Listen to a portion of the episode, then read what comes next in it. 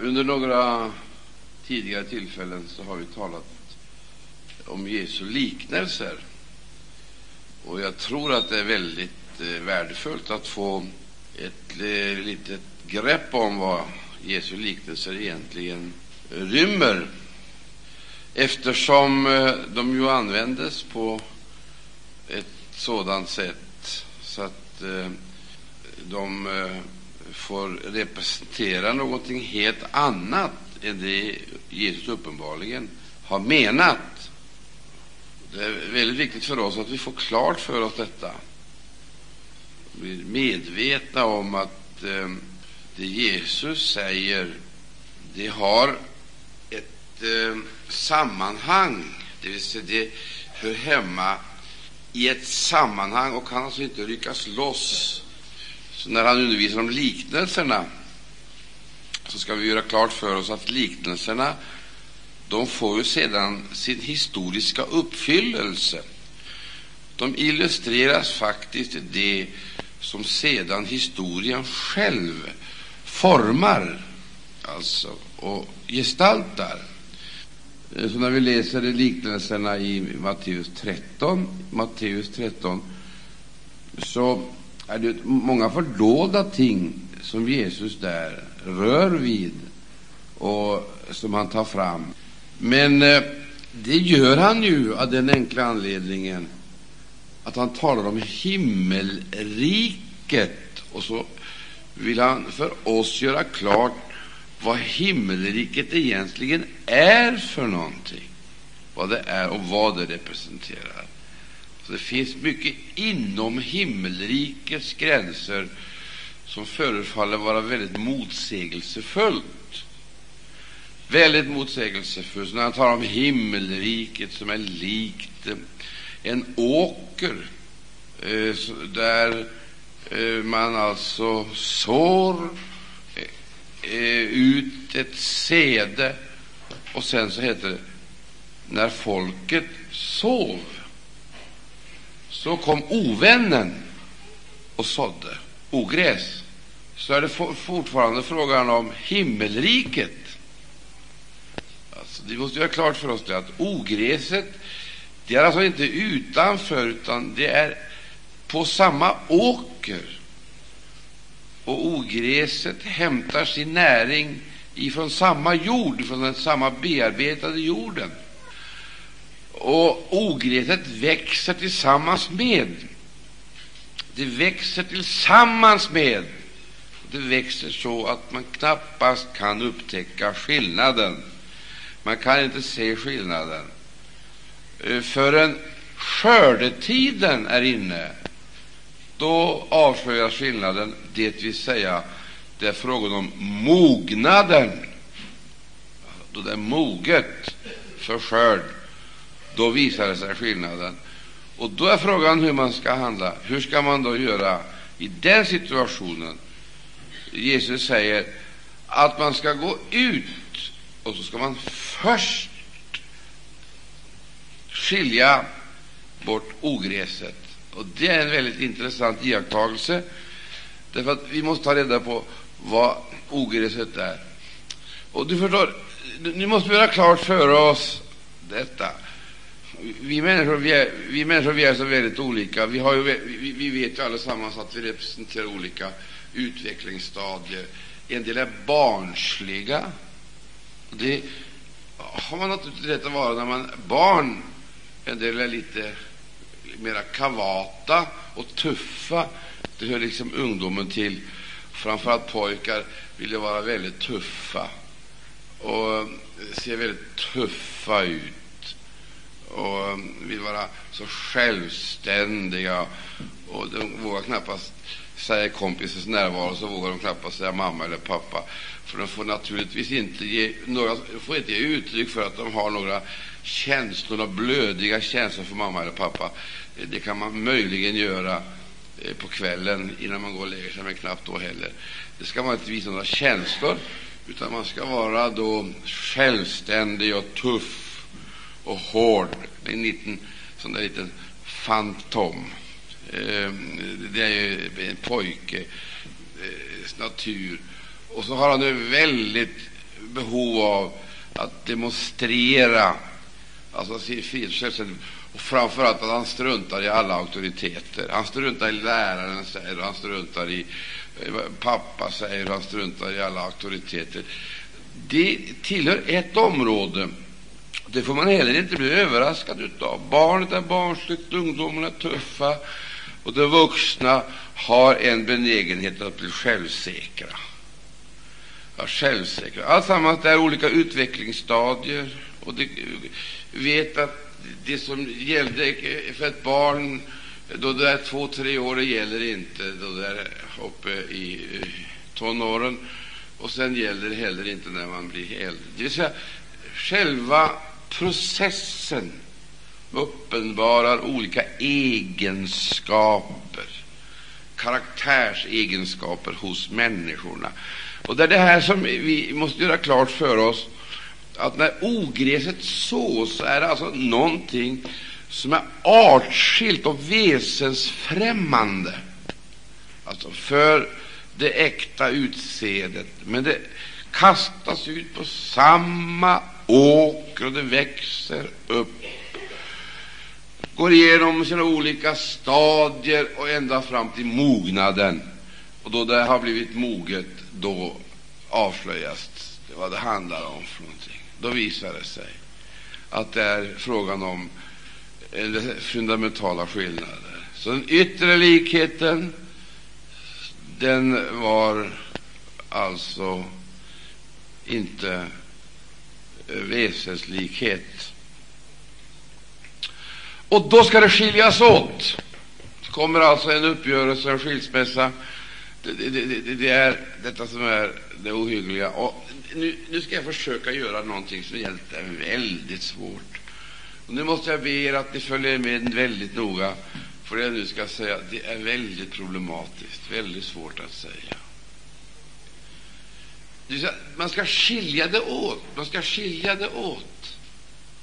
Och vi vet ju att allt som har med skilsmässa att göra är egentligen oerhört tungt och dystert.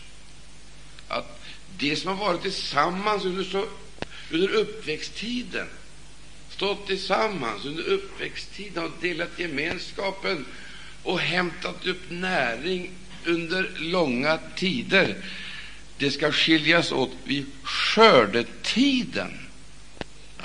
Och då gick det till så här att man först samlade in ogräset. Det var det första som hände, det var att man samlade in ogräset. Ja.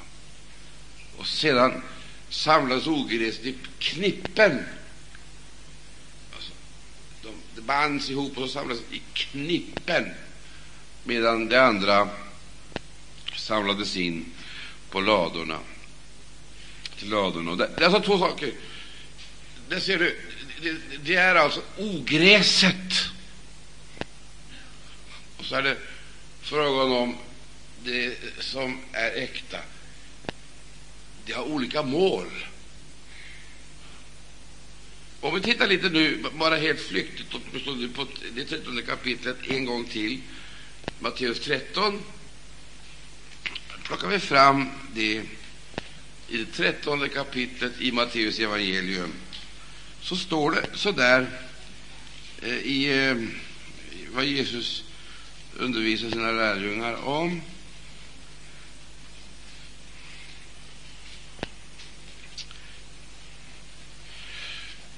Ja, käre Gud. Läser vi här i eh, det trettonde kapitlet så får vi veta att det här alltså måste skiljas åt och hur det ska gå till. I den 30, 30 versen där heter det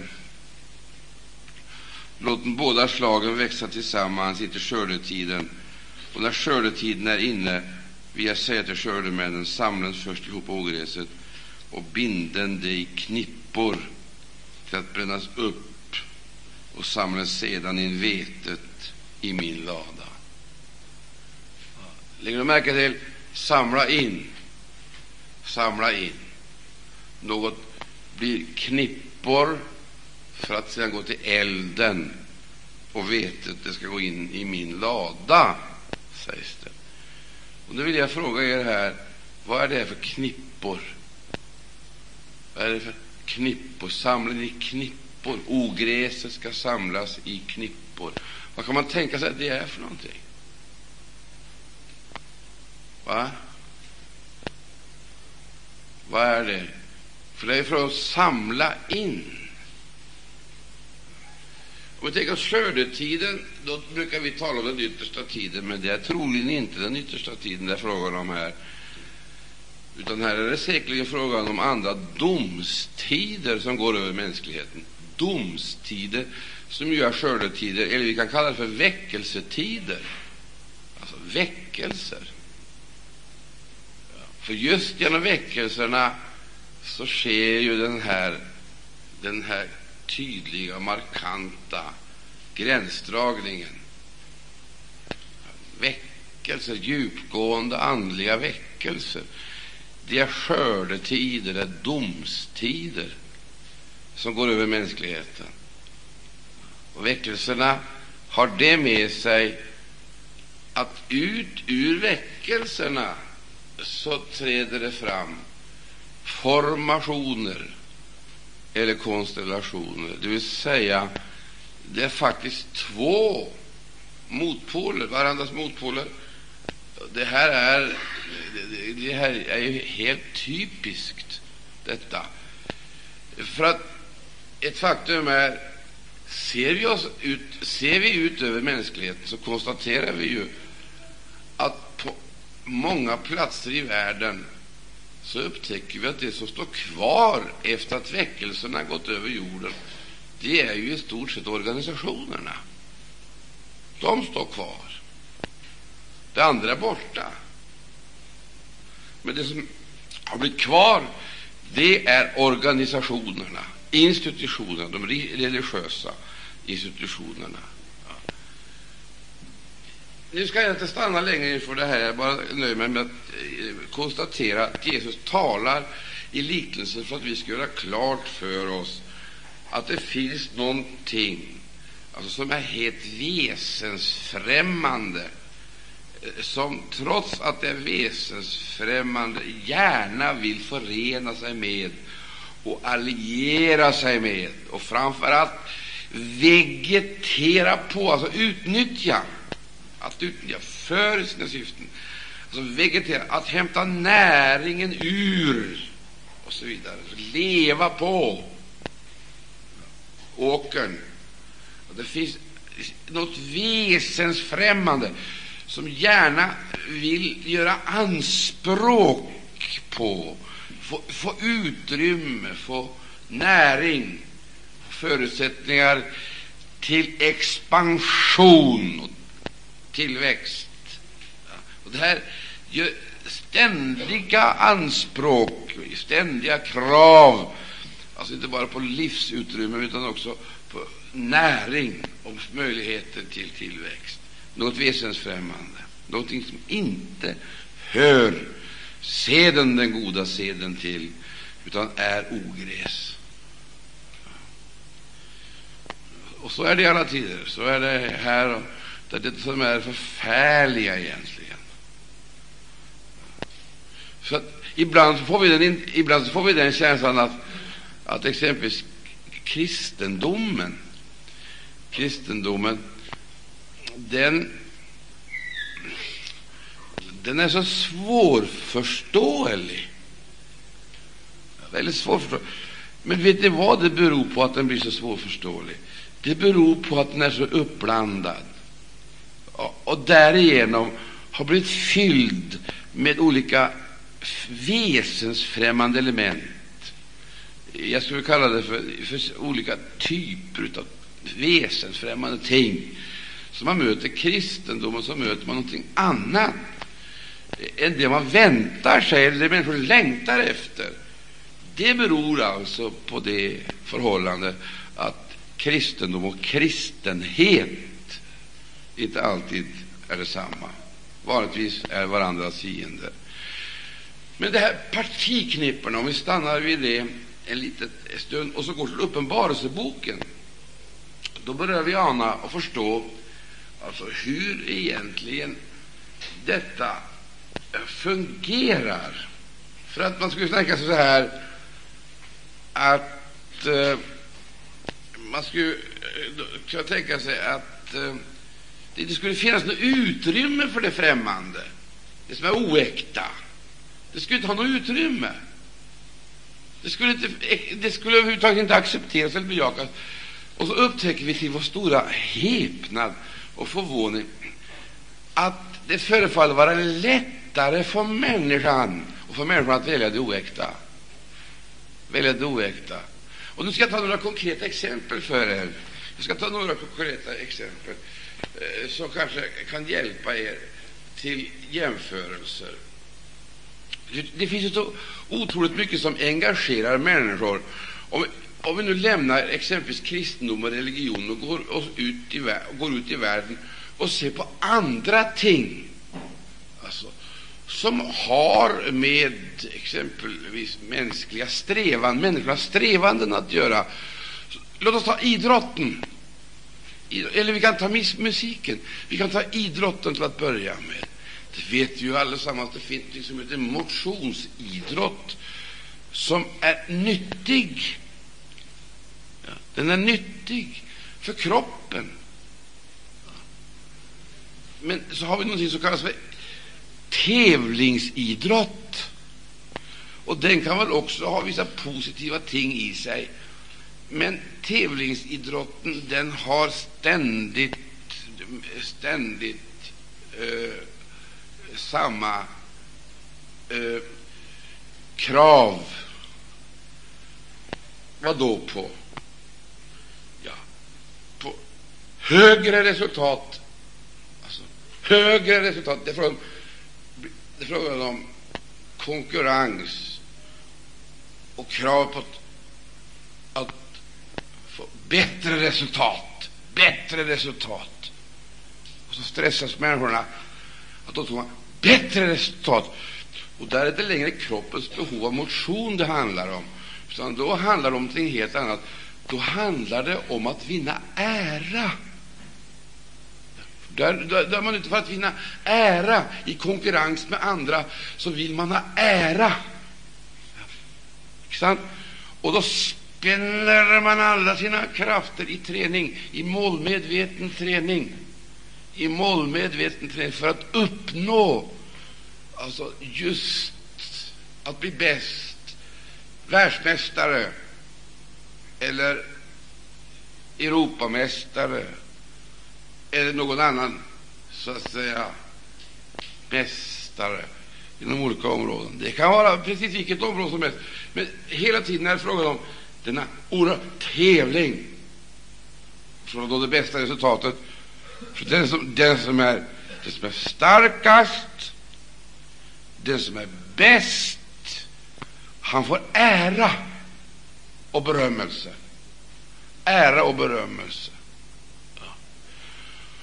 Han applåderas, han får kransar, han blir omskriven och så vidare. Han blir känd.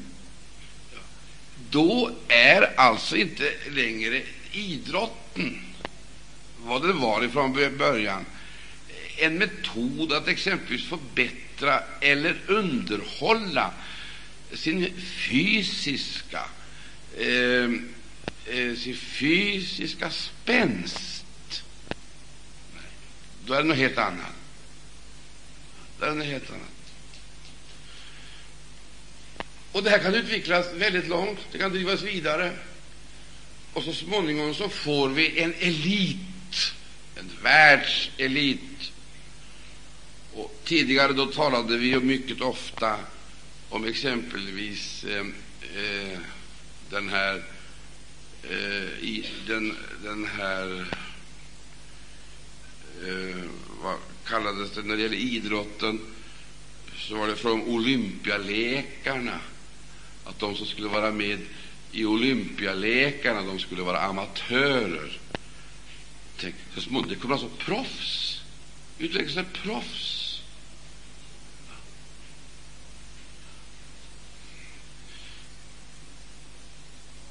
Vi ska göra klart för oss den här utvecklingen den går parallellt med utvecklingen inom alla områden.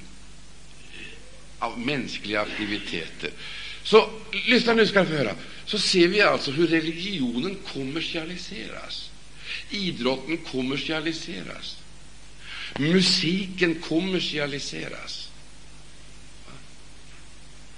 Kommer alltså in under detta fruktansvärda välde, där det inte bara frågan om konkurrens och elit, utan det är frågan om en mycket långtgående avancerad kommersialism. Kan du förstå? Där pengarna betyder mer än religionen. Där pengarna betyder mer än idrotten. Där pengarna betyder mer än musiken. Där pengarna betyder mer än konsten. Där pengarna betyder mera än eh, allting annat. Och allt värderas utifrån detta. Det värderas utifrån. Är du en idrottsman, så frågar de inte längre eh, om du är en god fotbollsspelare, utan du taxeras i, så att säga, i kronor och ören. Eh, det är fråga om 200 000 miljoner. En tennisstjärna, en fotbollsstjärna eller någonting annat. Vad är det här för någonting annat än Ja, det är självklart det handlar om förgudning. Förgudning.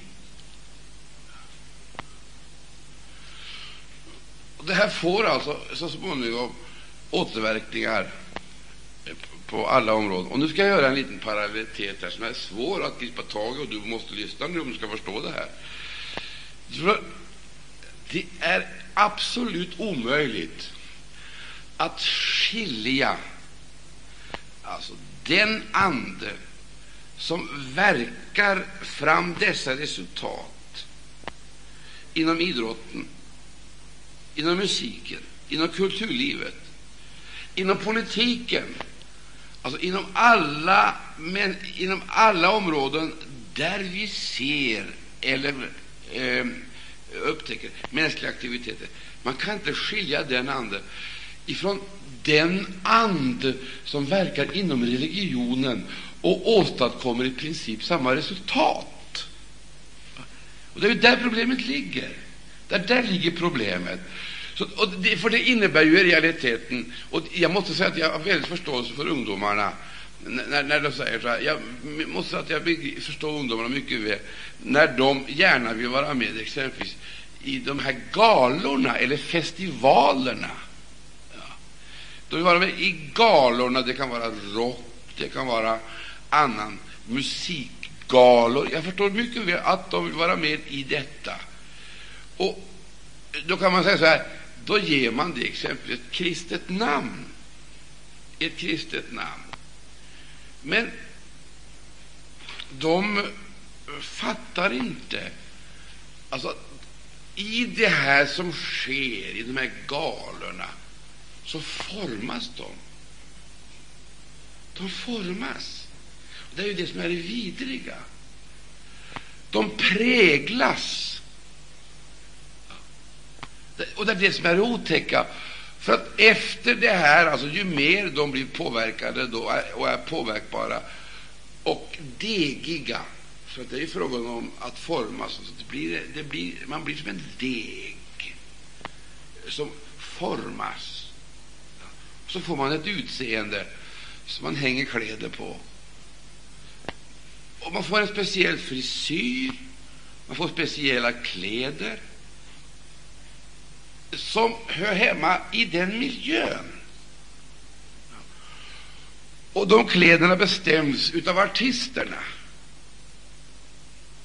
Artisterna. Och det här sprider sig och så blir det en masskultur. Och så upptäcker man att människorna de förlorar sin identitet och upplöses som personligheter och blir en del av massan. Det är rent otäckt att bevittna att man förlorar sin identitet och blir som en del av massan så kommer man till de här sammankomsterna, de här tillfällena då man spelar, heter det, och använder sig av instrument. Men musiken har en egentligen helt underordnad betydelse. Jag vill inte påstå att den har betydelse, visst inte. Den har e, emellertid en underordnad betydelse. Den är egentligen ett medel för att uppnå ett annat mål. Nu måste ni lyssna noga på mig, för, det, för jag ska tala om för jag talar allvar med er nu. Det här är fruktansvärt allvarligt. Jag tycker så synd om ungdomarna som eh, så att säga, inte ser hur dumt det hela är, hur tokigt det hela är. Utan eh, de, de glider in i därför att de påverkas via massmedia, naturligtvis, via sina kompisar. Och de måste vara up to date, de måste vara moderna. Och de vill naturligtvis inte vara avvikande eller annorlunda. De vill vara precis likadana. Så kommer då hela den här nya kulturen.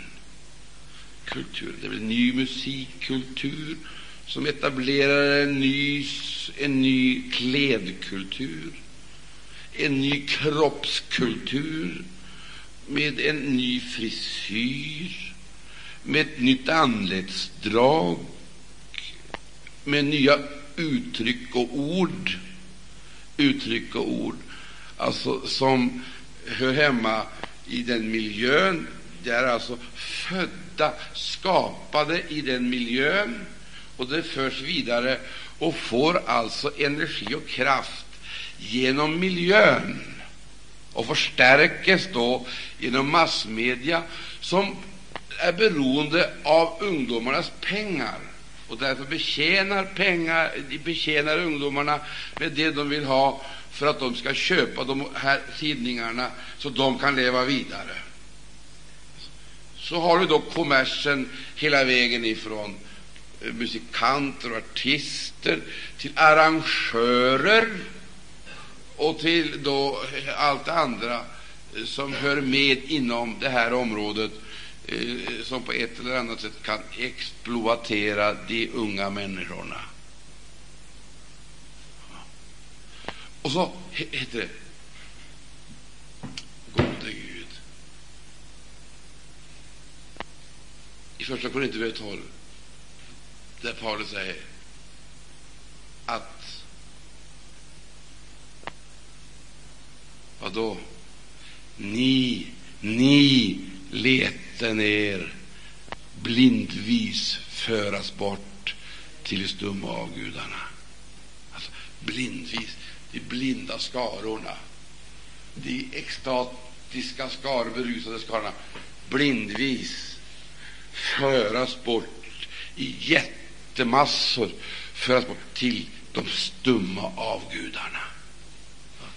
Vad är det? Det är medier, osjälvständiga individer smälta samman i kollektiv som ser exakt lika ut. Har du sett en, då har du sett tusen. Exakt lika. Samma frisyr, samma klädsel, samma ord, samma attityder, samma tillvägagångssätt. Du förstår inte att de är präglade och formade av en andemakt. Det är det det handlar om. Det är en andemakt. Och den andemakten den blir väldigt irriterad när den kommer in i en annan miljö. För att hemma är miljön annorlunda. Då blir den irriterad. Och om den har gripit tag i den unga människan riktigt ordentligt, då blir den unga människan oregerlig hemma. Hon blir outhärdlig. Hon blir fruktansvärd Ehm, hon blev fruktansvärt obstinat och oförskämd och elak emot sina föräldrar, emot sina syskon och framför allt emot alla de kristna. Och då helt plötsligt så möter man en ung människa som bär sig åt som en tok. Man kan inte hälsa ens en gång. Du får dem inte, du kan inte hälsa på, på, sina vänner. De, de hälsar inte på ett vanligt artigt sätt eller visar någon som helst respekt eller ödmjukhet. De är formade av den andemakten och de blir outhärdliga hemma. Och Föräldrarna vet inte vad de ska ta det till med. Och De tror att vi får försöka ge efter för att vinna dem. Och Detta är ju ingenting annat än en fruktansvärd katastrof. För det enda sättet att lösa det på det är att ta upp konflikten på hemmaplan. Det måste man göra. Man får absolut inte överlämna eh, ungdomarna eh, att spela ut och sen, spel, eh, sen hitta stöd i kamratkretsen där de hittar moraliskt mod och Eh, också skaffar sig argument och anser sig ha skäl att uppträda som en liten buse hemma. Det får man aldrig acceptera. Aldrig. För då blir det farligt för hela landet. Då blir det farligt för hela landet. För att om det där får fortsätta att utveckla sig så leder det till att så småningom så går orden över i handlingar. Så blir det slagsmål, blodiga slagsmål. Så fortsätter det med eh, att man måste ha eh, medel, och griper man till eh, våldsmedel. Då behöver man både batonger och eh, revolvrar, och, om det får utveckla sig. För det jag säger här är farligt. Jag har sett det här, förstår ni, på nära håll. För ni ska komma ihåg, när jag var i er ålder, då var det krig i Norge. Och då såg jag en formation växa fram i Norge som var helt fruktansvärd. Och det var det som kallas för Hitlerjugend. Hitlerjugend. Norsk ungdom som blev omhändertagen och på det här sättet kom in i denna miljö och drillades. Och varför jag säger det här till er, det är därför att det är just denna otäcka ande som kommer att så att säga, i allt större utsträckning behärska de unga generationerna framöver. Det är därför att den kristna församlingen måste akta sig för de här knipporna. Människor dra, dras. De har alltså erfarenhet, de har en bakgrund. De har växt upp och de har haft det relativt gott och varit relativt beskyddade. Och så samlas de, i, de, de, de förenas så att säga, och blir maktblock och maktkonstellationer.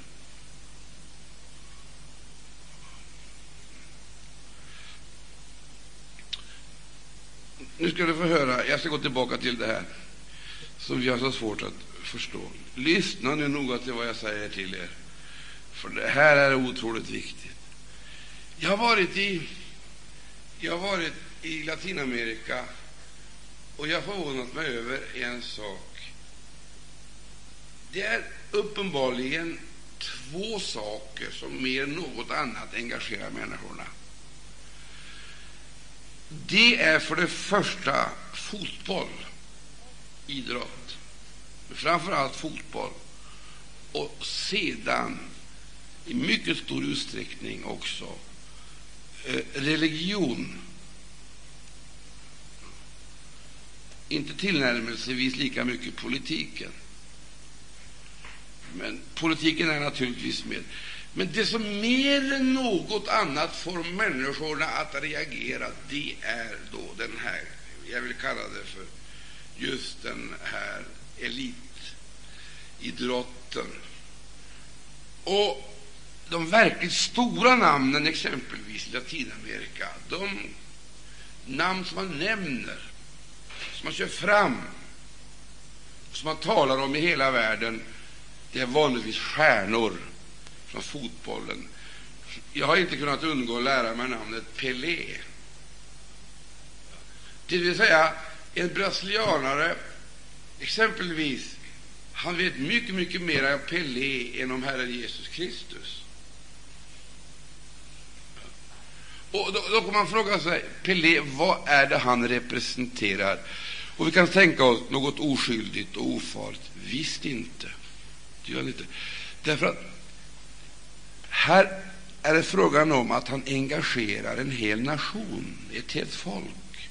Så när du gick på gatan där nere i Brasilien, i storstäderna, så stod det stora folkskaror stod vid tv-apparaterna och tittade på de här fotbollsserierna och de, där de skrek sig hesa, alltså Pelé, och jublade över hans insatser. Och vi vet ju att det handlade om enorma, enorma summor. Med andra ord så var det inte frågan om idrotten, utan det är frågan om spänningen, men framför allt är det frågan om penningarna. Och detta är en makt, makt, en fruktansvärd makt som binder skarorna.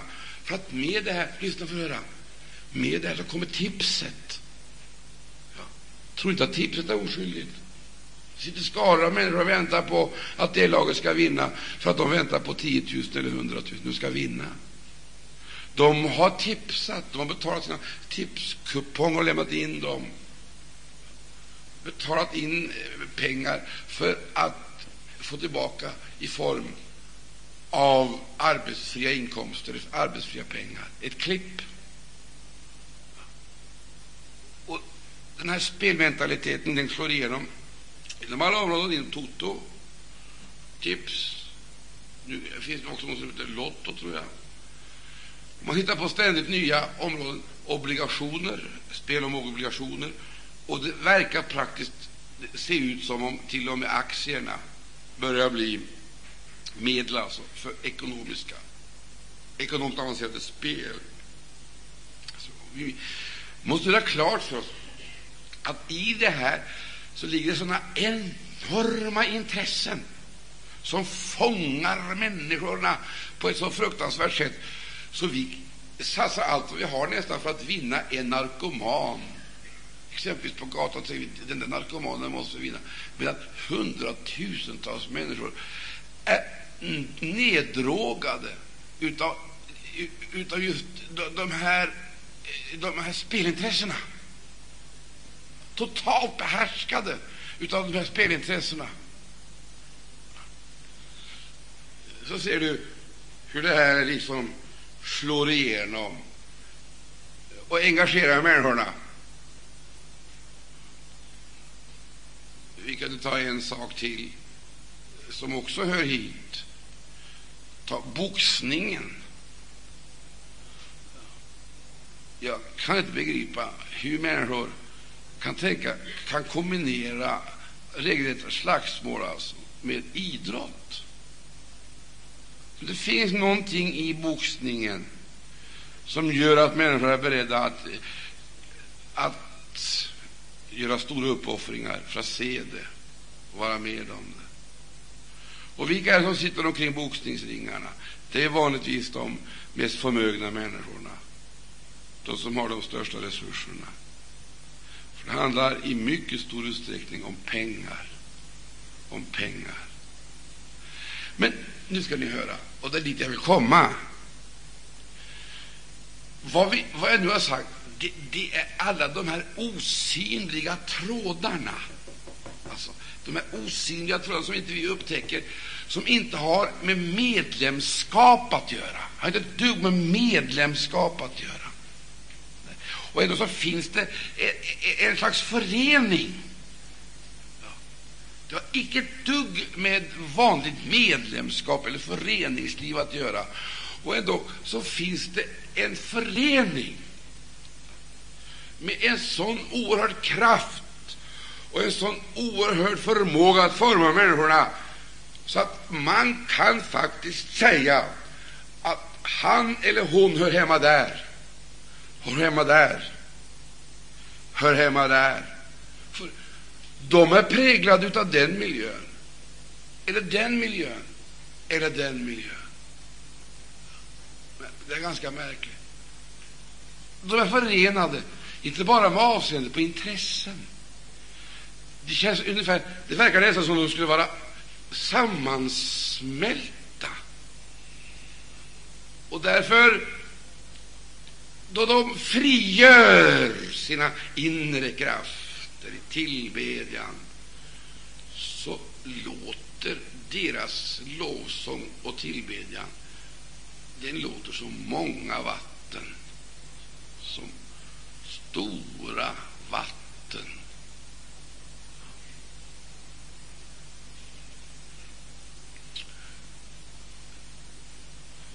Det är på fotbollsstadion, det är i box, omkring boxningsringen, det är i andra sammanhang. Där bryter denna jubel, denna tillbedjan loss. Och den enskilda människan försvinner i ett hav. Jag ska tala om för er, det är knappast någon, det är knappast någon som kan sitta neutral i en sån miljö. Utan man dras med, fångas upp. Man blir som en droppe, det vill säga man blir, det är samma kvalitet som förenas helt enkelt med dessa enorma oceaner. Så när det heter att du tronar vid stora vatten, du tronar vid stora vatten, då ska vi inte glömma de här hemligheterna. Vad är det? Stora, du tronar vid stora vatten. Jag skulle vilja säga, du tronar vid stora arenor. Du tronar vid stora vatten, vid stora arenor. Och det kan vara precis vad som helst. Och nu kommer jag till det jag ska avsluta den här förmiddagen med. För att när Jesus undervisar och när vi ser denna undervisning av formen i Uppenbarelseboken, då börjar vi förstå omfattningen. När han, talar om, när han exempelvis talar om, om surdegen som kastas i mjölet, surdegen som kastas i mjölet och genomsyrar mjölet på det sättet gör det odugligt. Odugligt det redan på mjölstadiet, alltså. Så tidigt som möjligt förstöra. Så ska, så ska vi, så ska, så ska vi komma, komma ihåg en sak. Vi som är troende, vi som är frälsta, vi kommer inte undan. Nej, det gör vi inte. Och det är det här, förstår du, som egentligen är det fruktansvärda problemet. För se på mig. Jag vill fråga er. Det här är en farlig fråga. Och Ni måste tänka på den innan ni svarar på den. Kan ni svara mig på Finns det en kvalitetsskillnad? Finns det en kvalitetsskillnad? Eller från andra platser där människor tillbeder eller bejublar mänskliga prestationer och det jubel som man möter i de stora, jättelika så kallade kristna kampanjerna. Jag frågar mig, är det inte trots allt en väsenslikhet, även om det kan vara gradskillnader? Och varför frågar jag mig detta? Nu ska du få höra. Se på mig, för jag ser dina ögon. Vad beror det på att då Guds folk ska samlas så måste den alltid, vanligtvis, följa samma mönster som man gör i alla profana sammanhang. Man måste ha ett program, ett program man måste ha en eller flera artister, vältränade, inövade artister. Man måste ha orkestrar, orkestrar. Man måste ha körer och allt sammans detta. Men framför allt så måste man alltså ha publikmagneter, publikmagneter, artister, proffs, som naturligtvis bär det kristna namnet. Självklart. Och det, det ställer sig fram, applåderas, och då de har sagt någonting som är bra så applåderas det. Sångprestationerna applåderas, musikprestationerna applåderas, eh, ibland ända extatiskt. Allt detta applåderas jag, jag, jag kan inte finna att det här existerar någon skillnad. Alltså, jag kan inte finna någon skillnad. I, i, alltså att hänge sig åt mänskliga prestationer, om det är en predikan eller om det är en sångprestation, en musikprestation eller om det är någonting annat, så är det samma elitism. Det är ju samma elitism som vanligtvis har med vanlig musikalisk träning eller annan natur talangfull um, ehm, uh, eh, alltså exploatering att göra. Jag kan inte förstå annat annat än Guds rike, där existerar det rakt motsatta förhållandet. Rakt motsatta förhållandet, det vill säga i Guds rike, där, en, där fungerar det, det allmänna prästadömet så var och en har något att förmedla, eller bör ha det. Jag ska gå ett steg vidare, eh, eh, fem minuter till innan jag slutar. Jag ska ta det här konkret.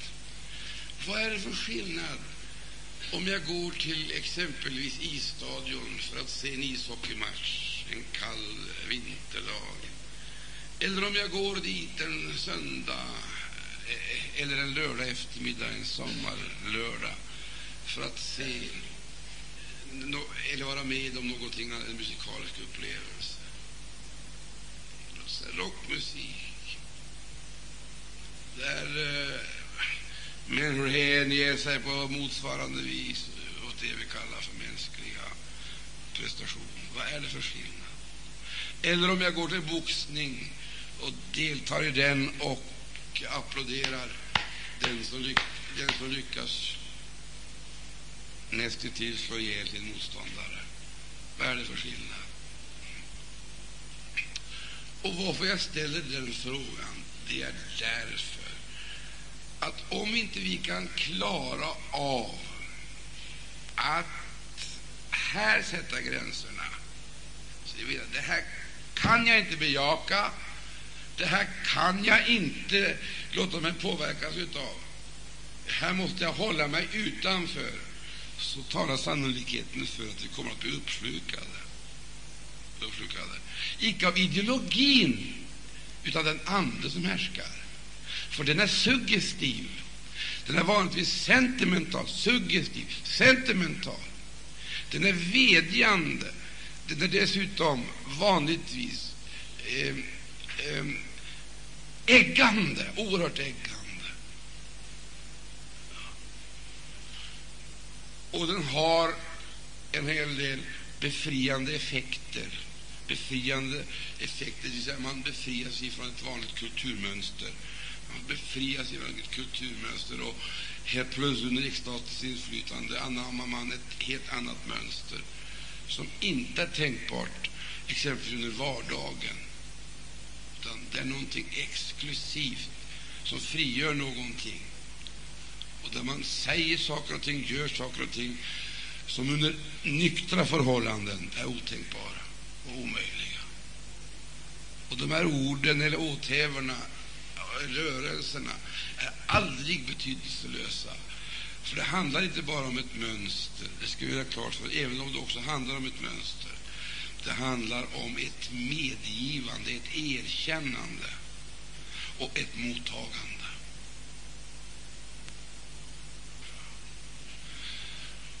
Nu har jag försökt att eh, bena upp det en liten aning, analysera en liten aning, men det finns många, många, många flera saker.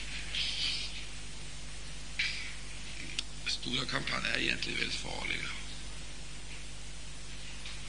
Alla former av stora kampanjer är nog egentligen väldigt farliga. Därför att du uppnår ett annat resultat. Istället för att få en världsevangelist så behöver vi hundra församlingsevangelister. Församlingen blir gripen av det själavinnandet. Då kommer församlingen in i den funktionen att hon inte fungerar som ett partiknipp, ett organ, en organisation med ett organisatoriskt mönster. Då fungerar församlingen som en organism som inte går att organisera, men som Gud använder genom sin heliga Ande.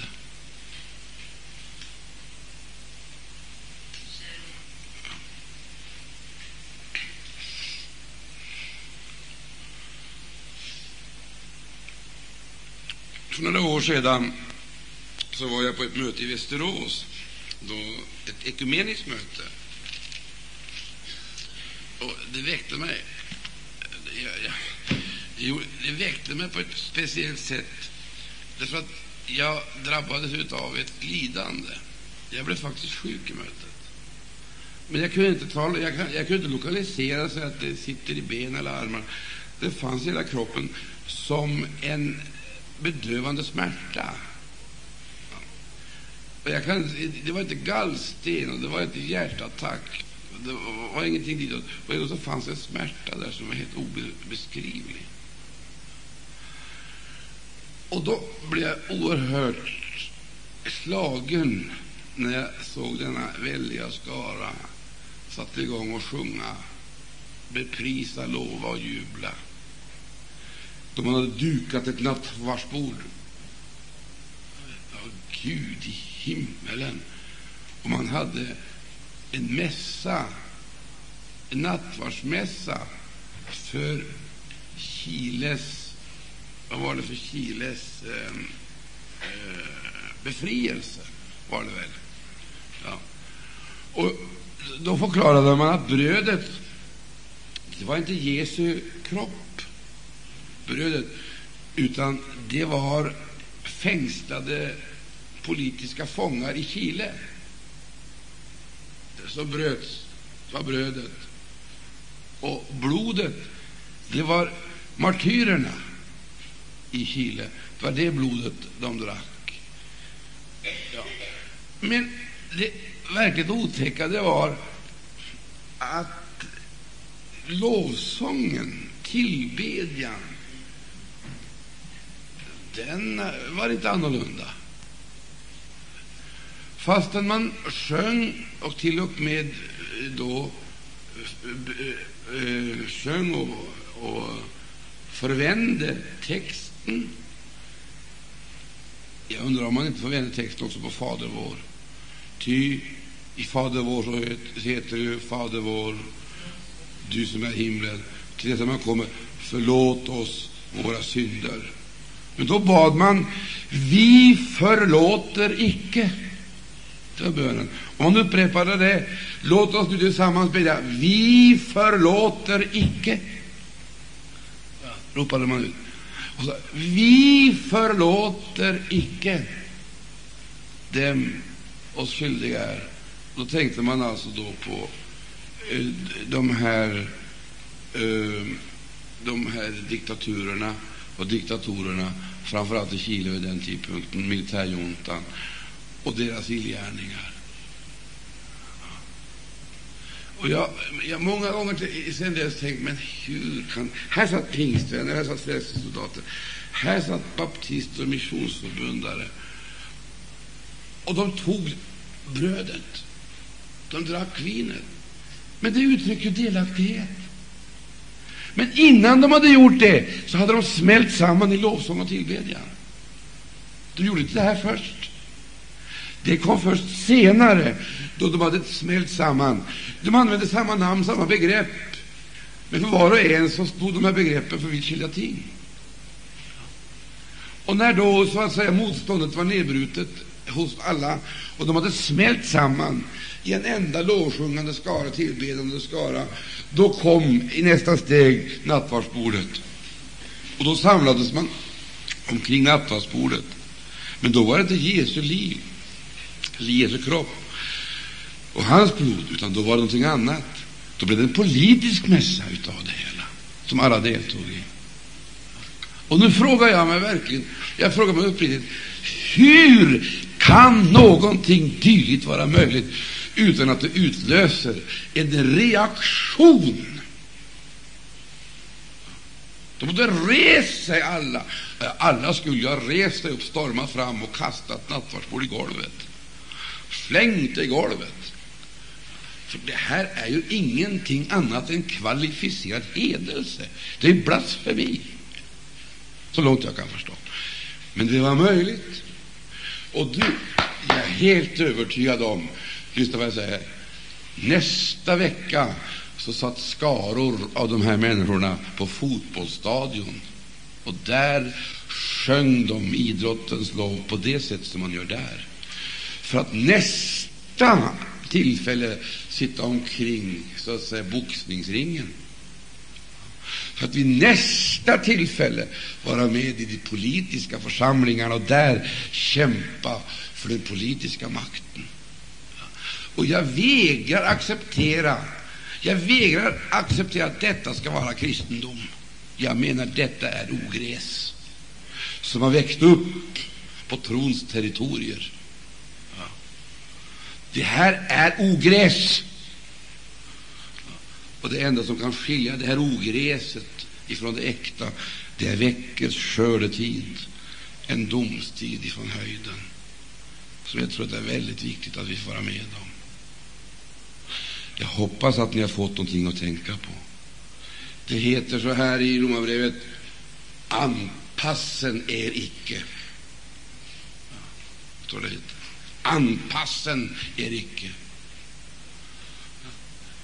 Vi måste göra klart för oss att vår protest det får inte bara bli ord och böner, utan det är frågan om att vi icke anpassar oss med avseende på livsstil och livsmönster utan lever för Herren. Och nu ber vi dig, kära Herre Jesus, att du ska hjälpa oss därtill. Detta oerhörda allvar som vi står inför här. Alla undantagslöst, kära Herre Jesus, behöver röras av din Ande.